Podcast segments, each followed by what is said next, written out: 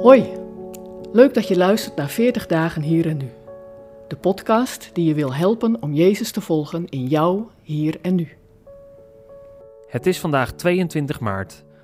In de laatste week voordat Jezus gekruisigd wordt, vertelt Jezus een heftige gelijkenis. Frits neemt ons mee in dit verhaal en maakt ons deelnemer. Jezus is onderweg naar Jeruzalem.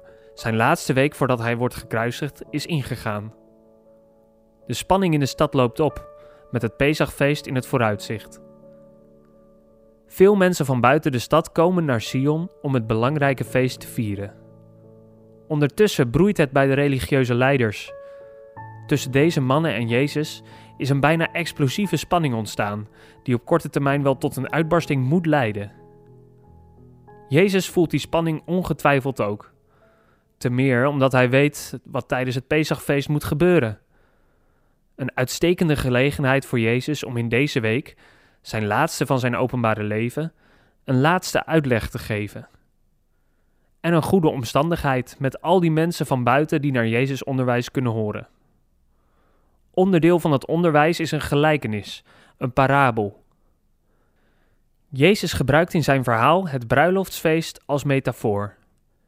Eten in het oude Midden-Oosten was in die tijd, net als tegenwoordig, een belangrijke sociale gebeurtenis. Dat een maaltijd plaatsvindt tijdens een bruiloft geeft extra cachet.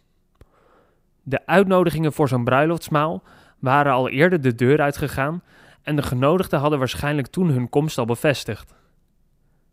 Dat ze bij de definitieve uitnodiging weigeren te komen, mag je dan ook zien als een grove belediging aan het bruidspaar en de wederzijdse families. De genodigden voor het bruiloftsfeest komen niet. Ze kiezen voor hun eigen zaken en mishandelen zelfs de uitgezonden boden. Als ik deze gelijkenis van Jezus zou hebben gehoord, daar in de straten van Jeruzalem, zou ik de uitnodiging voor dit bruiloftsfeest aannemen? Nu ben ik niet in Jeruzalem tijdens Jezus' dagen, maar de uitnodiging die hij doet is ook voor mij. Jezus doet ook op mij een appel te komen. Neem ik die uitnodiging aan?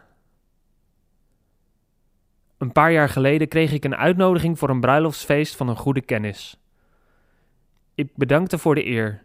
De dag en het moment kwamen me niet goed uit. Het was een eerste dag van een nieuwe studie en het feest was op een nauwelijks te bereizen locatie. Over mijn afwezigheid wordt nog steeds gesproken.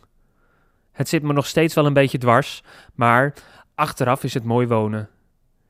Ik kan niet meer terug in de tijd om alsnog bij dit aardse bruiloftsfeest aan te schuiven.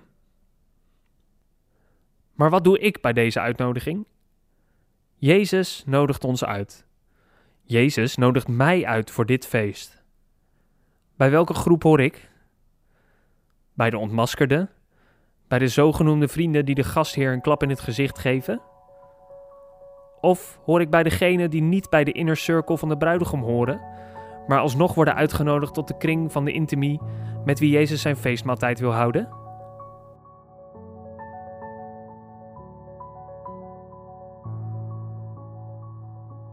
Wil je meer weten over deze podcastserie? Ga dan naar 40dagenhierennu.nl.